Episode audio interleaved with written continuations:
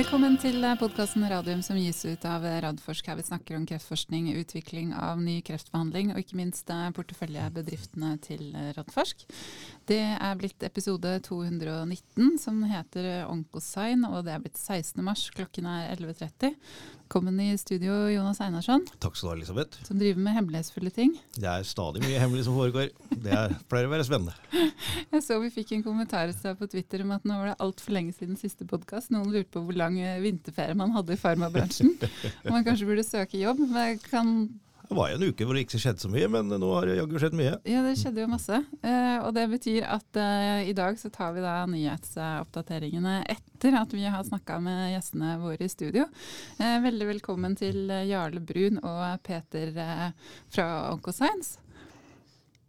Ja, takk for invitasjonen. Det ja.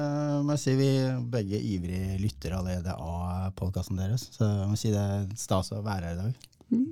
Veldig hyggelig. Og hyggelig å få besøk i studio av nytt og spennende selskap. Jeg tror vi skal bare gå over til dere med en gang. Um, altså Dere er et relativt nyetablert selskap, og dere har lab og kontorer her i Oslo Cancer Cluster Inkubator. Men før vi går liksom inn på selskapet, kan dere ikke fortelle litt om dere selv? Vil du begynne?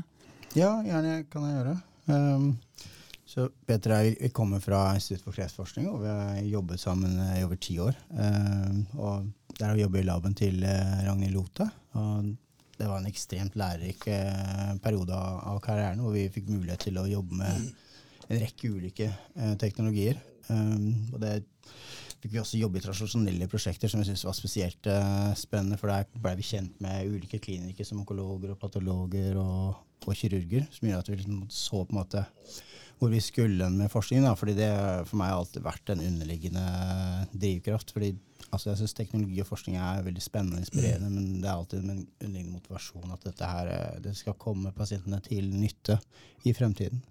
Så det, det har vært utrolig spennende. Mm. Så, som privat så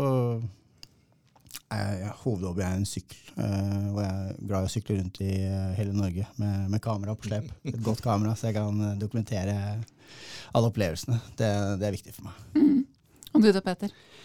Eh, ja, vi, jeg har jo samme bakgrunn eh, som Jarle. Eh, vi har jobbet tett på mye av de samme problemstillingene. Han har vært eh, veldig veldig god i laben, og jeg har eh, et, begynt med selvbiologi og etter hvert gått over til mer bioinformatisk eh, verktøy. Så det er det som på en måte er min, min rolle nå i dette selskapet. Um, privat, jeg har tre barn bygge selskap. Jeg har egentlig ikke tid til så mye annet om dagen, men jeg er veldig glad i å være ute, natur, og dra på tur rett og slett ute i skog og mark. Mm. Dette flotte landet vårt. Så bra. Og så er det bare sånn, Jarle, du er da administrerende direktør, CEO, og så er Peter, du er eh, chief technology officer, eller teknologidirektør. Stemmer. Ja.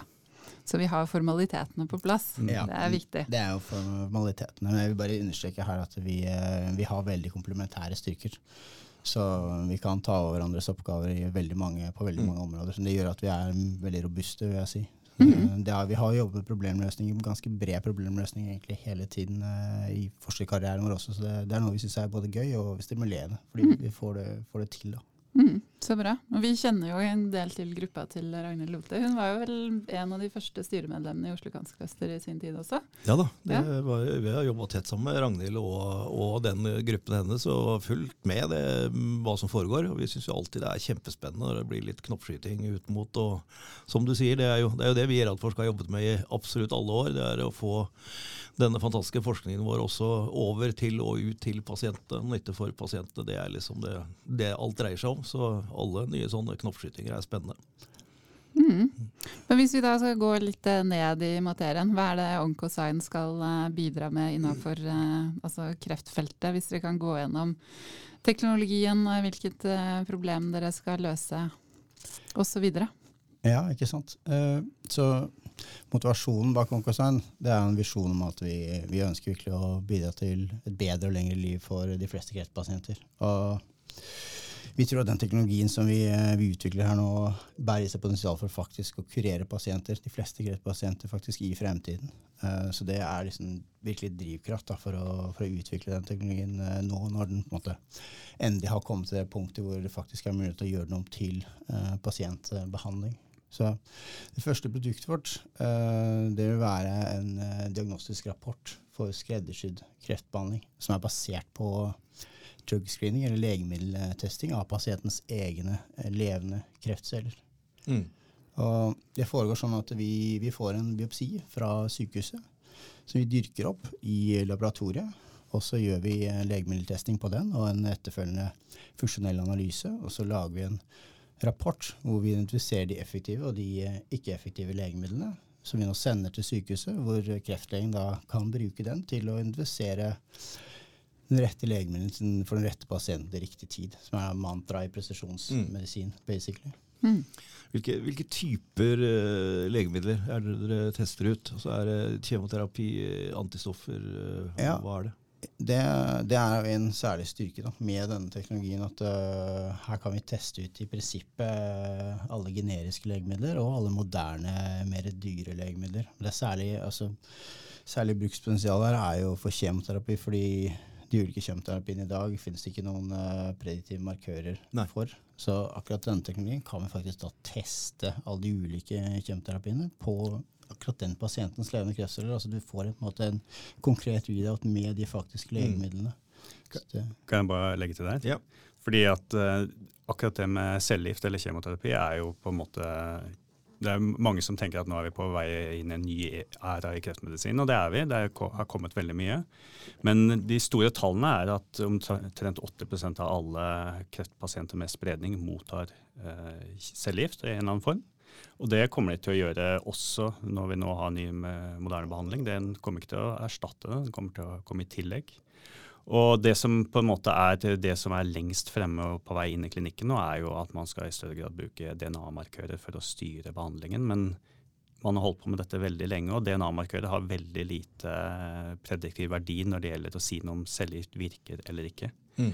Jeg sa jo at 80% av pasientene får eh, cellegift, men det er jo bare en tredel av de som faktisk har klinisk nytte av denne behandlingen. Så dette er presisjonsmedisin som eh, et verktøy som kan gjøre eh, presisjon bedre enn den er i dag for mm. veldig mange pasienter. Mm. Ja, for det er vel sånn at det er, det er, veldig mange typer behandling å velge mellom, i, en først, i hvert fall i førstelinje. Altså når, det vil si at den medisinpasienten får når den har fått diagnosen for første gang. Mm. Og spesielt da hvis det, hvis det er med spredning. Eh, så, så er, det, er, det, jo veldig mye å, å velge mellom. og det finnes, Jeg er jo ikke noen kreftlege, men eh, så vidt jeg skjønner så finnes det en masse forskjellige regimer og anbefalinger mm. om hva, hva, man skal gjøre. Så det å sitte der som kreftlege da, og skulle på en måte plukke dette og, og, og også vite at uh, kanskje det virker, kanskje ikke. Ja, og det er på en måte et veldig veldig viktig poeng. Eh, det, til, prinsippet her er jo egentlig ganske banalt. Vi dyrker cellene, og så tester vi, eh, tester vi, legemidler. Så hvorfor har man ikke gjort dette tidligere? Og Det er flere grunner til det, men det viktigste er at det har ikke vært mulig å få til innenfor et eh, tidsvindu som er relevant klinisk. Man har kanskje brukt et år og klart det på 5% av pasientene. Og det er vanskelig å implementere noe sånt i eh, diagnostikken. Nå kan man gjøre det her eh, innen uker, og man kan få det til på over 80% av pasientene, så man kan levere data for veldig mange. Men det du sier der eh, Sofie Fosse var jo her for eh, noen måneder siden. og Hun begynte karrieren, så var det kanskje ti, ti kreftlegemidler med velge mellom. Nå er det 200. Mm. Eh, og veldig mange av de så finnes ikke noen genetiske markører. Og selv der hvor det finnes genetiske markører, så er det jo eh, ofte veldig, eller ikke så veldig godt samsvar mellom markør og respons. Så det er ikke noe som er unikt for kjemoterapien. Mm. Eh, ja. Mm. ja, Det grunnleggende årsaken til at uh, genanalyser har begrensa prediktiv verdi, eh, er jo fordi at kreftbiologien, altså kreftsursen, er såpass kompleks at det, det, er på en måte ikke mulig å hente nok informasjon fra statisk genetisk informasjon til å produsere en live eh, cellerespons da, på et legemiddel. Så Det er på en måte litt det man oppnår med det tekniske, mm. funksjonelle oppsettet her. At du, du faktisk tar cellene og dyrker dem mens de lever, og tester dem. da. Mm. Det med heterogenitet, for det er, jo, det, det er, jo, det store problemet også med genetiske markører. er jo At du kan finne en markør, og så gir du en medisin mot den, men det var bare noen av kreftcellene som hadde den, og det var andre som hadde noe helt annet, og dermed så virker det ikke allikevel. Eh, hvordan, virker det inn, inn her? Altså for, fordi dere, dere, får jo en biopsi som er da altså en liten del av en svulst eller en spredning, uh, som dere da dyrker. Uh, vil dere da det være nok til at man tar hensyn til dette med heterogeniteten? Det er et veldig viktig spørsmål du stiller der. det, Der har vi heldigvis allerede god empiri fra en klinisk eller Det var ikke en klinisk studie, men det var en forskningsstudie vi gjorde mens vi, mens vi var forskere. Eh, som er publisert, og vi så på metastatisk tarmkreft. Og det vi fant der, var at det var overraskende lite heterogenitet eh, blant eh, lesjoner fra ulike områder av leveren. Så det var et veldig positivt resultat når vi mm. gjorde den studien. at Det, tyder på at for, for, for metastatisk tarmkreft så er det lite farmakologisk heterogenitet. Og det vi også fant der, var at vi uh, kunne identifisere potensielt effektivt legemiddel for uh, mer enn 80% av disse pasientene. Mm. Så det, det, det, var, det var, veldig, veldig inspirerende å love. Mm. For meg så er det veldig, veldig logisk å ta de cellene, eh, dele de ut eh, i forskjellige skåler og teste ut mot legemidler. og det, Der hvor cellene dør veldig fort, da er det sikkert det, det er det beste. Så i, i, utgangspunktet høres det veldig logisk og egentlig enkelt ut. Jeg vet at dette har vært jobba med i mange, mange år. Så hva er blackboxen deres? Det er ikke sikkert jeg har en blackbox, for det har jo ikke du og Anders. Nei, vi har ikke en boks så vi tenker utafor, det er helt riktig. Men blackboxen er liksom eh, det som gjør at dere har knekt noe kode og gjort noe som ikke andre har gjort før, og som forhåpentligvis lar seg patentere og forsvare. Det, det er liksom den Hva er businessplanen? Eh, ja, ja, eh, Blackbox, for å ta et lite steg tilbake, hva er det som gjør dette mulig nå? Og det er at man uh, har en mye bedre forståelse av biologien til celler. Før, når man skulle gjøre dette her, så puttet man cellene i plastikk, og så ga man dem noe medium. Og så håpet man at noen av cellene skulle klare seg å vokse opp, og det er utrolig tidkrevende. og ja, Det går rett og slett ikke. Det, måten man gjør det på nå, og dette er ikke black box, dette er noe vi og mange andre gjør rundt omkring i verden, det er at man tilsetter bestemte det som heter nisjefaktor. Eh, hva skal jeg si, Proteiner som cellene, spesielle celler i, rundt i kroppen er avhengig av for å kunne formere seg. Og det, det, er det som på en måte er gjennombruddet at, uh, som gjør at du kan dyrke det. Men uh, det som er uh, blackboxen her, er at hvordan du skal bygge dette til en plattform som faktisk kan ikke, Du skal ikke bare ha at cellene vokser. Du skal på en måte få screena dem på en sånn måte at det kommer data ut som har verdi. Du skal oversette dette til uh, Én eh, ting er å drepe det i skålen. Det er veldig lett å drepe kreftceller i skål. Du skal på en måte eh, oversette det, det du leser av i skålen til eh, potensiell pasientbehandling. Mm.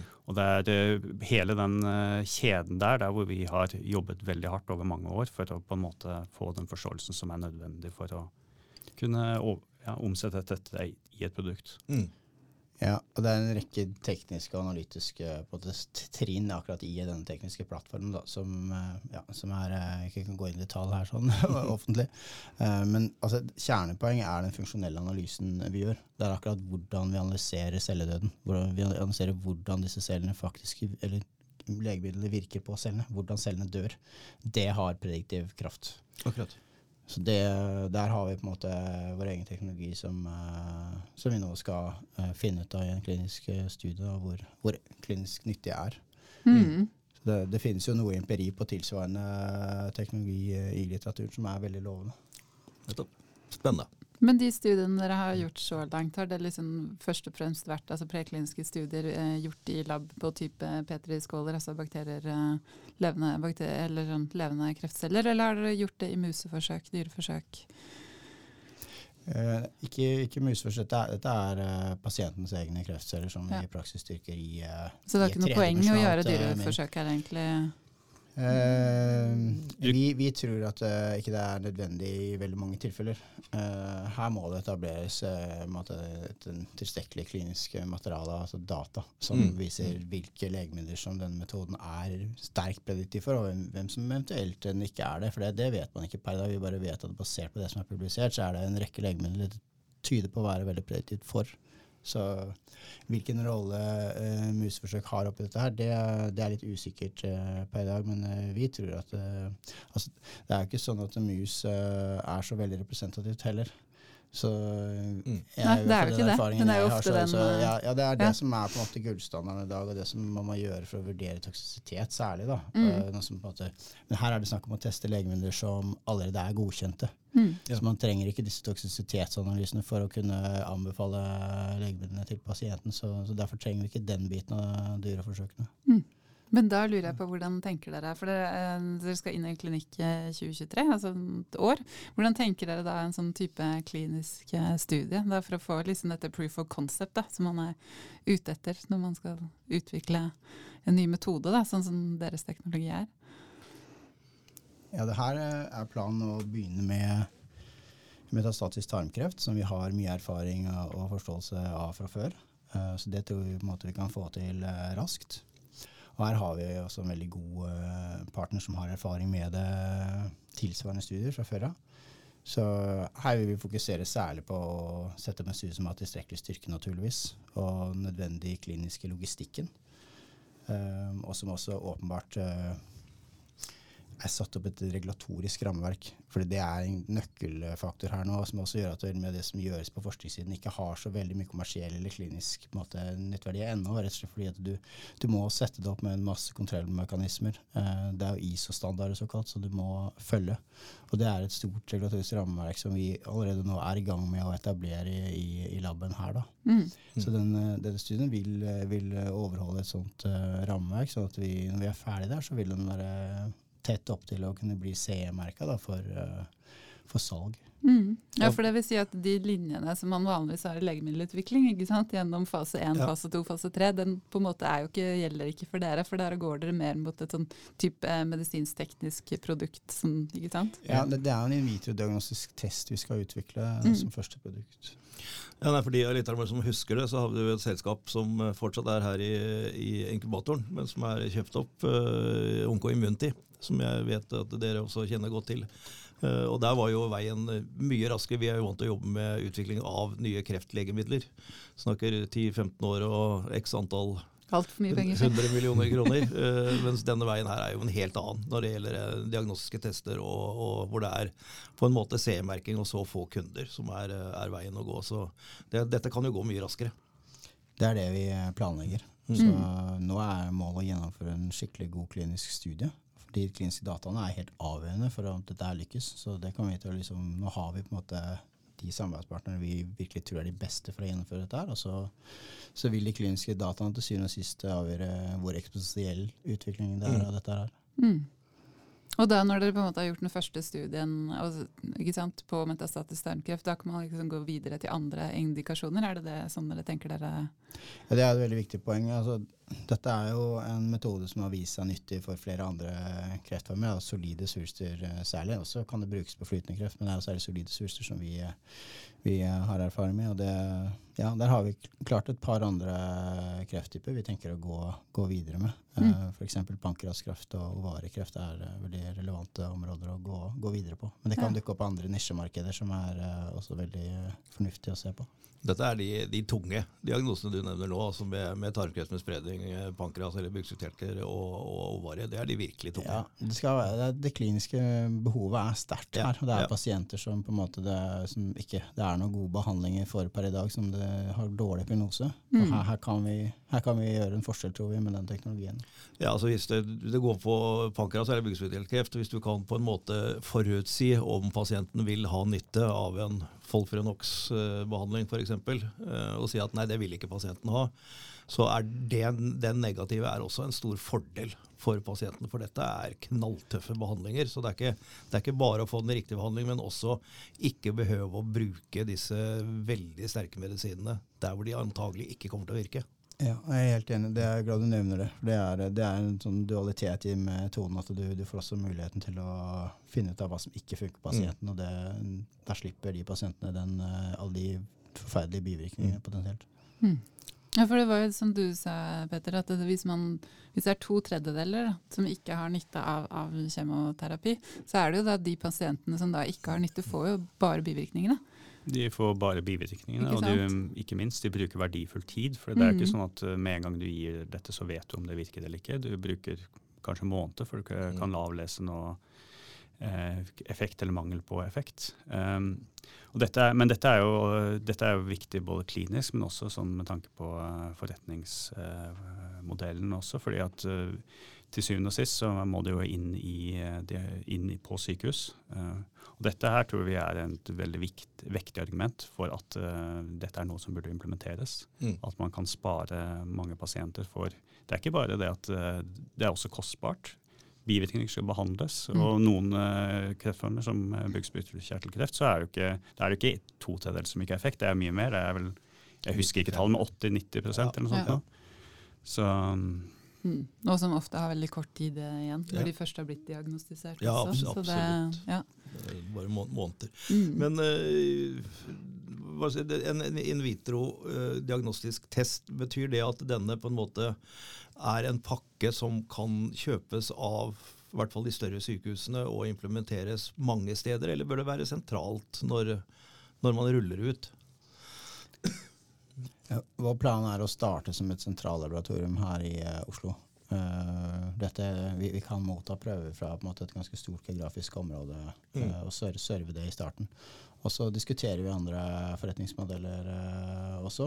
Uh, her så er vi åpne for å på en måte Her må vi gjøre litt mer jobb. Vi trenger litt flere folk på laget som har uh, tunge kompetansen på forretningsutvikling. Mm. For Foreløpig så er dette ting vi har analysert og måte, skissert muligheter, men vi trenger gå dypere i materien her da, for å optimalisere det. Absolutt. Mm. Er veldig spennende. Kan dere si litt om, om tidslinjene for, eh, for, utvikling nå framover? Altså det året, inneværende året, hva, hva ja. gjør dere nå? Vi, vi, etablerte jo selskapet i fjor eh, vinter, så vi har holdt på nøyaktig et år. Um, og nå i 2022 så skal vi ferdigstille produktet. Det vil gjøre det som et en frys. da, fordi å si til myndighetene at dette er produktet vi ønsker å teste. Sånn ser det ut. Dette er de Eh, karakteristikkene det har. Og så er det å putte det produktet inn i en uh, klinisk uh, studie. Da, som, mm. uh, og der er det planen å starte tidlig 2023. Og det er, ja, det er de vi nå prøver å sikre finansiering til. Men ja, vi er, vi er, vi har ikke, akkurat der har vi ikke dårlig tid. Nå fokuserer vi veldig tungt på produktutviklingen nå mm. det neste, ut dette året. Mm. Og stikkordet her er jo finanser, for det trenger man jo uansett hva man skal utvikle innenfor denne bransjen. Hva, hvordan er den finansielle situasjonen, og hva er planene fremover der? Vi har jo innledningsvis eh, henta inn uh, god softfunding fra Innovasjon Norge og uh, Forskningsrådet. Og fikk også nylig eh, softfunding fra Regionale forskningsfond Oslo. Mm -hmm. Uh, det, ja, det, er vi veldig glad for. Vi har også sendt inn uh, søknader for mer softfunding for den kliniske studien allerede. Så, så, sånn så ser det veldig fint ut, men vi har jo så langt lagt inn våre egne penger i dette her for å matche den softfundinga. Vi har jo ikke store lommebøker som tidligere forskere, så nå er den grensa på en måte i ferd med å nås. Så vi er i, nå i dialog med investorer for å måte hente inn den kapitalen vi trenger for å utvikle produktet klart til klinisk trial. Og så, så vil det komme en ny periode hvor vi uh, henter inn kapital for for å komme til markedet. Mm. mm. Det er eh, kort skissert. Ja. ja, så det er veien å gå, det. Ja, så vi er, eh, vi er eh, klare for det året vi har foran oss nå, mm. mm. og ta det til neste steg. Men det blir jo påfølgende vinter om et år at vi på en måte må begynne å tenke på finanser igjen. Mm. Eller vi tenker alltid på det, men vi tenker, hard, tenker hardere på det. Ja. Begynn å tenke på det med en gang. Ja. det, er, det er sånn tommelfingerregelen. Ja. Man kan ikke si man har penger, man tenker på hvor, hvordan skal man reise til neste. Ja, sånn levere, ja, levere, på de tingene man har lovt, og så ta det. Så Jarle, du må ikke si tidligere forskere og når vi var forskere. dere driver med forskning.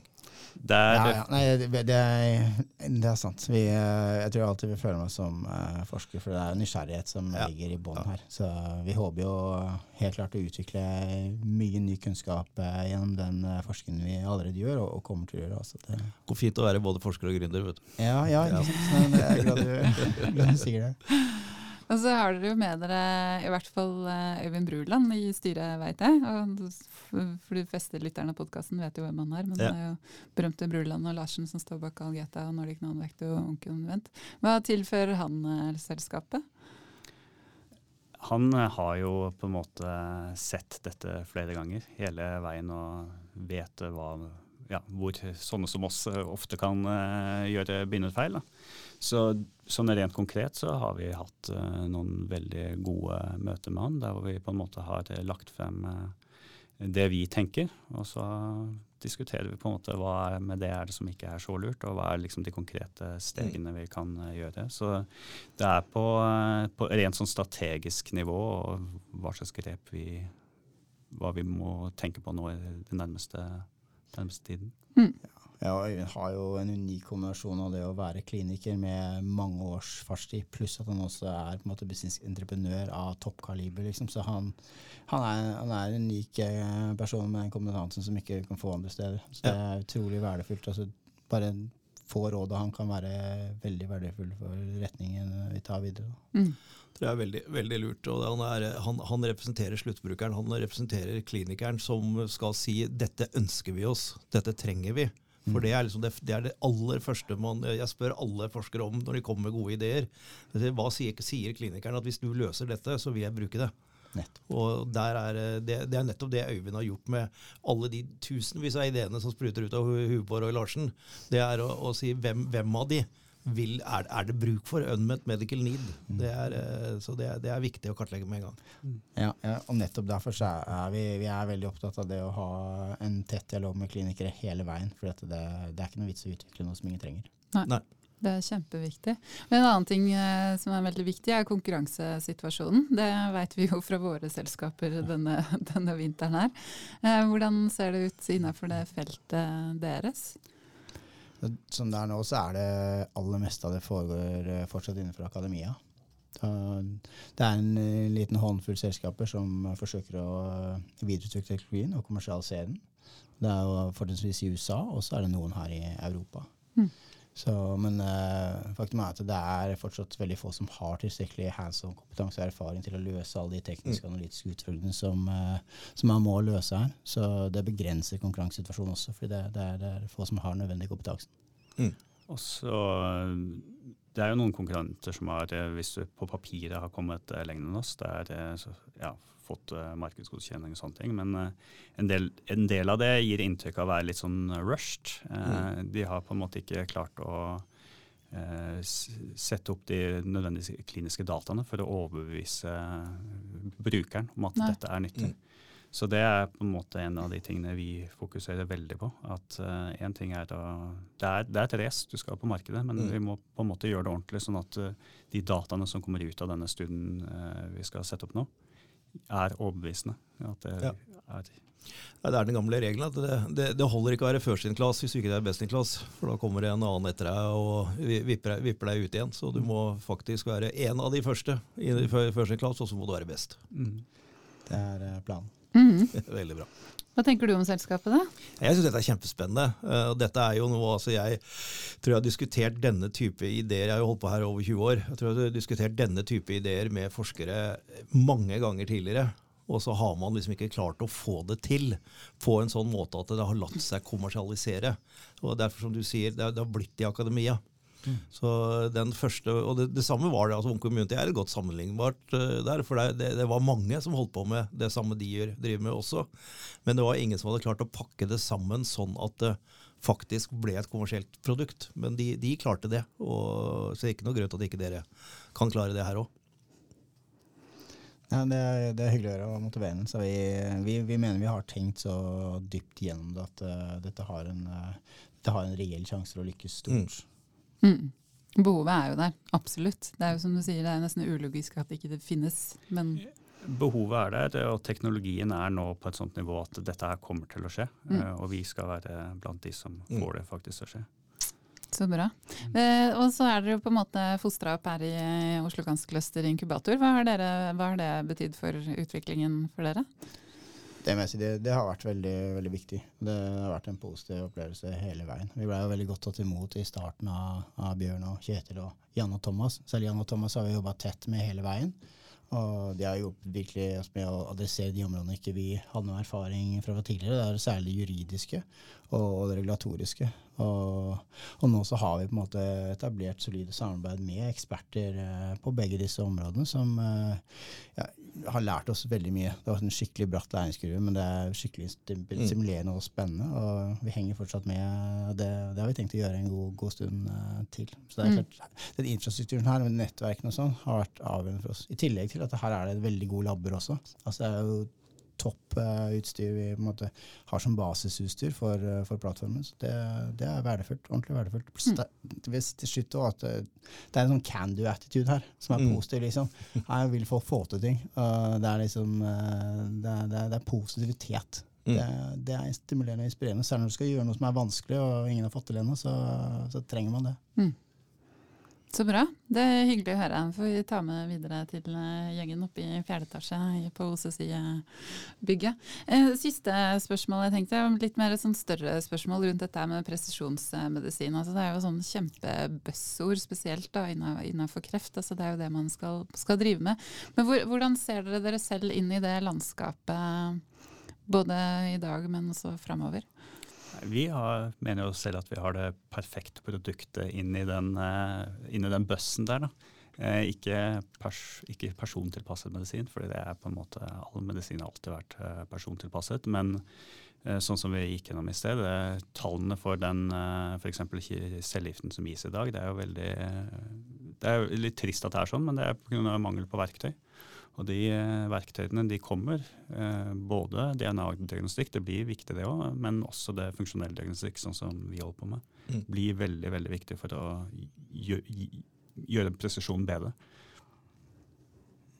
Ja, et kjerneproblem også jeg vil nevne akkurat eh, som den teknologien løser i utfordringer. Det er mange utfordringer med presisjonsmedisin. Men en av kjerneutfordringene på lang sikt da, for å kurere pasienter, det er jo på en måte å finne hvilke kombinasjoner av legemidler som faktisk er effektive. Fordi at det, det er et faktum som man har sett for lenge siden, at eh, det er veldig sjelden ett legemiddel er nok for å kurere pasienten. Altså Det er noen få suksesshistorier på det. Men uh, utover det så trengs det for de aller fleste kreftpasienter en kombinasjon av to-tre minst legemidler. Og det, det er nettopp det denne teknologien er uh, i stand til å, å gjøre. Så her kan vi utvikle det som en fremtidig på en måte satsing, mens det regulatorisk og rammeverket blir modent for det. Mm. Veldig bra. Veldig spennende. Eh, hvis ikke du har noen final remarks? Nei da, Nei, det er eh, aldeles ut, utmerket. Det er, vi, vi skal følge med. Ja, det skal vi virkelig gjøre. Masse lykke til eh, videre. og Veldig hyggelig å ha dere med i podkasten. Tusen takk. Ja, tusen hjertelig takk, det var veldig, veldig hyggelig. Yes, det var eh, spennende med besøk i studio, Einarsson. Alltid spennende med sånne nye, nye babyer som uh, dukker opp. og Følge, følge de fremover og se hvordan det går. Det, Ja. skal bli spennende. Bygd på lang forskning også, så det, ja, det er gøy. Men du, uh, vi må over til uh, våre, våre egne, holdt jeg på å si, Ja. våre egne selskaper. Og vi kan begynne med den nyheten om at hele fem av porteføljeselskapene våre, nærmere bestemt Nycode, Targovax, Nordic Nanovektor, Ultimovax og Hubro, og så utafor porteføljen Bergen Bio, de skal ha posterpresentasjon på det som eh, forkortes AACR, altså American Association for Cancer Research sin årlige konferanse. Den går da av stabelen i april hvert eneste år. I år eh, mellom 8. 8. og 13. april i New Orleans.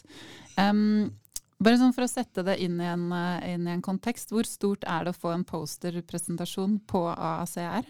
Det er stort, for det er en, av de store. ASKO er den største. Men eh, den, den, den her ligger ikke langt etter, og er, er virkelig en av de store.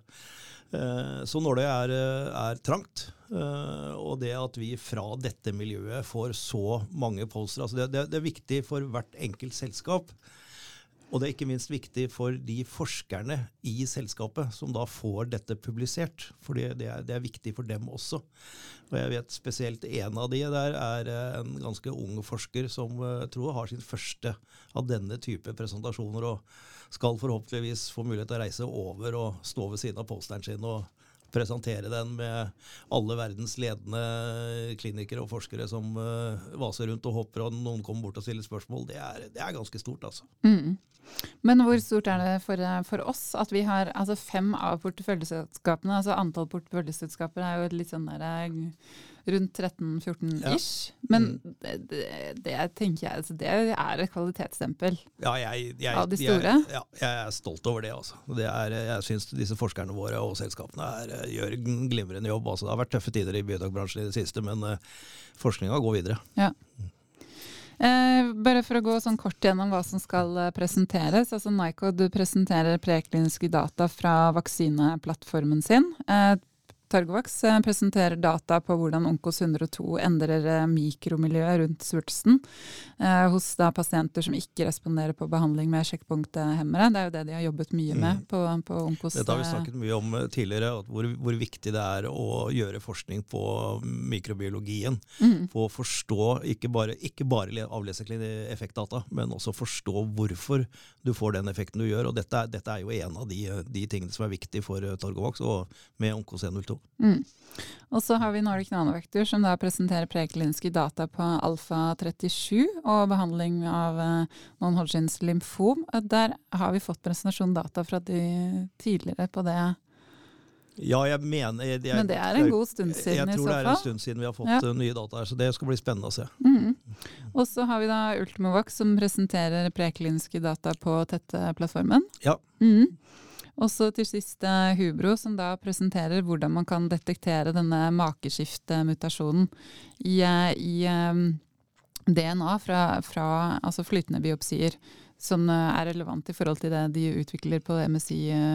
Altså kreft Ja, det er, det er, kjempespennende. fordi det, hvis den teknologien lykkes, og det ser det jo ut som, spesielt når de da får presentert dette nå, så har de faktisk utviklet sin egen test for å predikere ja, om, så det, det, er på en måte en biomarkør? Det, det er en biomarkør, ja. uh, og som de da kan teste ut på det som kalles for liquid biopsies, altså på, på blodprøver. Mm. Uh, hvor du ikke er avhengig av biopsier. Mm. Uh, og hvis de får til det, og styrken og grunnen til at de gjør det, er jo at, at vi ønsker, ikke vi nå lenger, jeg er ikke styreleder her lenger nå, men man, man, ønsker jo å ha best mulig resultater når man går i kliniske studier. Og hvis man på forhånd kan predikere om pasientene faktisk har denne mutasjonen som denne vaksinen skal uh, virke mot, i motsetning til Ultimovax, som ikke behøver å gjøre det fordi den telomerasen er universell, det er ikke frameshift mutation. Nei. Derfor er det viktig å vite at ja, denne pasienten har denne mutasjonen, og høyst sannsynlig vil kunne få effekt av vaksinen. Så det vil styrke det. Og så På sikt så kan dette også bli en diagnostisk test. Hvis du f.eks. har en, eh, og spesielt i tykktarmskreft, hvor det, det, dette er eh, kanskje mest vanlig, eh, og kan si at du har en polypp eller du har en, noe som kanskje er celler som begynner å se ut som utvikler seg til kreftceller. Og Hvis man da kan gjøre den testen og si at ja, denne pasienten har framskiftmutasjon, mm. da er man helt sikker på at denne pasienten kommer til å utvikle kreft og kan starte behandlingen tidligere. Så det er, det er et eget på en måte forretningspotensial i seg selv. Det var akkurat det jeg skulle spørre ja. om. Fordi det er jo, er det ikke, er det Keytruda som er den sjekkpunkthemmeren som er godkjent for uh, sånn MSI høy, høy ja. kreft? altså sånn utover alle indikasjoner. Ja. Det må jo være utrolig nyttig å ha en sånn type biomarkør. Uh, ja, det er, eh, det er, det er, veldig, det er veldig, veldig, spennende. Jeg har ikke snakket så veldig høyt om det enda, men når de nå, nå har en poster på det, så, så er det jo Må vi få lov til å prate litt om det, si. Prate litt om det, ja. ja. Det er kjempespennende. Ja, så bra. Uh, vi kan da gå litt uh, videre. Vi kan gå over til uh, Photocure. for det første så bytter de distributør i Australia og New Zealand, hvor de får inn da noe som heter Endotherapeutics Group, som tar over for Juno. Ja. Så det, de fortsetter jo på en måte den Eh, der de ser på en måte at her funker det ikke med partneren, der blir det bytta ut. Ja, og er, eh, der er den eh, nådeløs, tydeligvis. Og veldig godt begrunnet i, i meldingen deres. Mm. At Juno rett og slett ikke hadde fokus nok på dette. De jobbet mest med generika nå, og ikke var ute og solgte noe såpass avanserte ting. Uh, og da finner de noen som uh, da forhåpentligvis uh, gjør den jobben bedre. Så dette er en del av, strategien til Fotokur. Mm. Og så har de da eller meldt, eller egentlig Asieris, den kinesiske partneren deres, har fått godkjent en altså real world evidence, realtids du må hjelpe meg, jeg klarer ikke å oversette real. Nei, altså, er det på norsk? Det, er, det, er sanntidsdata. Sanntidsdata er det. Eh, du har fått godkjent et studie av Hexvix, da, i tillegg til den nylig godkjente fast 3-studien av Hexvix. Ja. Men jeg leste den pressemeldinga, den var rimelig kryptisk. Jeg Ja. klarte ikke helt å skjønne hvordan denne studien For det hørtes ut altså det var en pilotstudie, og så var det ni andre inni den studien, men ja. Nei, altså jeg, jeg gikk gjennom den. Det, det, hvis jeg har skjønt det riktig, så er det Ja. det de har gjort, det, det, det er dette eh, området da, som eh, på en måte er sånn pilot zone, eh, hvor, hvor de driver med med veldig avansert klinisk eh, utvikling og prøver å teste ut eh, nye måter å gjøre kliniske studier på. Og Vi har jo snakket mye om det her tidligere også, og eh, i Norge dette med, med, med sanntidsdata, og bruke det istedenfor å bruke kontrollarmer. Mm. Og det er det faktisk det de har satt opp der. En stor studie, skjønner jeg, hvor det, det er innlemmet allerede ni forskjellige medikamenter, og nå kommer da dette inn som det tiende. Eh, Og Det betyr at de rett og slett behandler pasientene, og så sammenligner de de resultatene med sanntidsdata. Det vil altså si at de, de tar de pasientene som får den samme behandlingen, på samme tid, på samme sted, og så bruker de det som kontrollarm. Og Det er nettopp den sånn syntetisk kontrollarm som vi har diskutert uh, tidligere. Og Der viser det seg at de kineserne da ligger langt fremme i den. Eh, Og når de nå har plukka ut ni fra før og det tiende nå, så går jeg ut ifra at det er relativt strenge kriterier for å få lov til å være med i den. Fordi den vil jo produsere data veldig raskt. I og med at man ikke behøver å bruke kontrollarm. For da, da kan man jo da, Hvis jeg skjønner riktig, så behøver man jo egentlig ikke å blinde den på noen måte. Fordi du kan bare avlese effektdata hele veien, og så sammenligne da med sanntidsdata. Eh, og det står jo da tydelig ut fra de, de regulatoriske myndighetene at ønsket er å få medisiner raskere på markedet enn man ellers ville klart. Så jeg klarer ikke å lese noe annet enn bare veldig positivt inn i den meldingen. Og det, det er jo noe av det her man ønsker å gjøre i Norge også, gjennom det nye nystarta selskapet Nordic eh, RWE. Absolutt. Uh, ja, nei, men det er gøy. Uh, da kan vi gå videre til uh, Targovax. De har da meldt om et samarbeid med et selskap som heter Agenus, om da å utvikle KRAS-vaksiner med den adjuvantteknologien fra Agenus som heter QS. 21 Stimulon, som jeg skjønner er en av de mest brukte adjuvantene for vaksiner. Ja, altså det er en, det er en adjuvans. Altså det, er, det er et stoff som uh, på en måte primer immunforsvaret. Mm. Uh, Som, du må bruke i kombinasjon med kreftvaksiner? Ja, som uh, utvalgt bruker GMCSF Ja. uh, på samme måte. Eh, men det å utvikle en adjuvans koster veldig mye penger. Mm. Eh, Du må ha en sikker leverandør, du må ha noe som du er sikker på at vil være til stede der også når du kommer ut på markedet. Eh, Og det er jo de. Dette er jo et eh, godkjent produkt. Så de har, de har også kuttet kostnadene ved adjuvansutviklingen til null. Mm. Fordi de dekker jo absolutt De får det gratis, så vidt jeg forstår, ut fra meldingen. Og alle kostnader ved å, produsere og alt dekkes av denne leverandøren. Eh, Skal gjøre noen eh, tre små studier. Da går jeg ut ifra at de må Da er det vel immunsvar, så immunresponsen, analysere de og se at det er minst like god som det man har brukt tidligere. Forhåpentligvis enda bedre. Uh, og så da inngå en uh, videre utvikling. Det er ikke sånn at Agenus skal betale Targovax noe. Fordi det er jo Targovax som skal bruke denne adjuvansen. Men hvis jeg skjønner riktig, så skal de betale omtrent ingenting fram til de eventuelt får et produkt. Mm. Og så skal de betale royalty, til, eh, som, og betale royalty istedenfor selv å kjøpe inn adjuvansen. Så eh, dette her, eh, Hørtes god høres avtale. eh, veldig bra ut. Det gjør det. Men da kan vi ta andre nyheten fra Targovax også, som ikke jeg helt, uh, helt skjønte, som de sendte ut i går, vel. Om en, om en sånn merger, demerger. Ja. Ja, Down, downstream merger. ja. Potential, til og med, sto det. Ja. Uh, Nei, jeg ta en del- telefon til Erik Ja, i går. Det var veldig for å- For å være Jeg helt trygg. leste den, og jeg skjønte ikke. Ja, nei, Vi er jo aksjonærer der, så jeg ønsker, å forstå hva de gjorde. Dette er, så, dette er housekeeping. Dette er helt uh, udramatisk. Ja. De, eh, lager, eh, de gjør om uh, til et morselskap, et holdingselskap. Altså PCI har den samme modellen. Mm. Uh, og så kan de sette opp datterselskaper. Og det betyr også at de kan, hvis de vil, det vet jeg ikke hvor de ender hen, men de kan f.eks.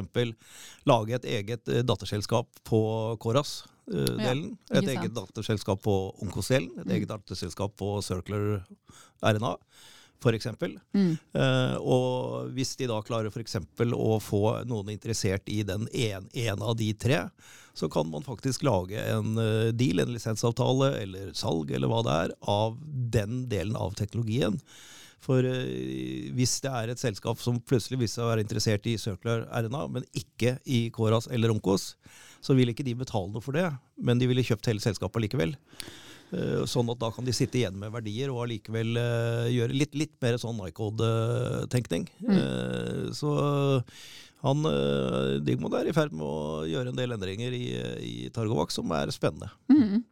Så finansielt sett så er det lurt i forhold til det at man har ulike, såpass ulike produkter som det de har holder på å utvikle. Da.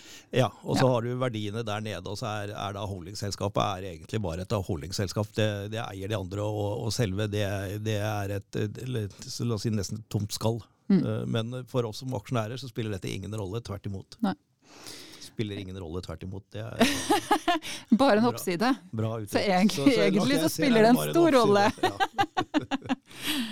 Ok. Uh, siste nyhet er at eh, Nordic Nanovektor melder at de da har hentet inn nærmere 800 000 kroner i reparasjonsemisjonen. Så da var det ikke så dumt å ha den likevel? Nei, jeg vet ikke. Det er jo ikke noe stort beløp. Uh, men det var noen som tegnet seg der, og de fikk inn det. Så for meg er dette en, en ikke-sak. Ja. Så du, vi skulle liksom avslutte med en ikke-sak? Ja. ja, men det er greit. Det var, eh, det var de siste to ukers uh, nyheter. Uh, vi er tilbake neste uke. Da er vi tilbake på tirsdag med Åslaug Helleland, som skal fortelle om Matrix. Ja. Det er overhodet ikke filmene, Nei, det men ikke filmene. det er uh, nytt klinisk kreftforskningssenter som hun eh, leder. Hun leder jo så mye nå, så det, ja. Og det er veldig spennende. De har fått penger, store penger fra både Forskningsrådet og, og fra um, Kreftforeningen. Veldig spennende å høre planene. Her er det, det er et nasjonalt senter også. Er kjempespennende. Mm. Så da høres vi neste uke. Takk for i dag.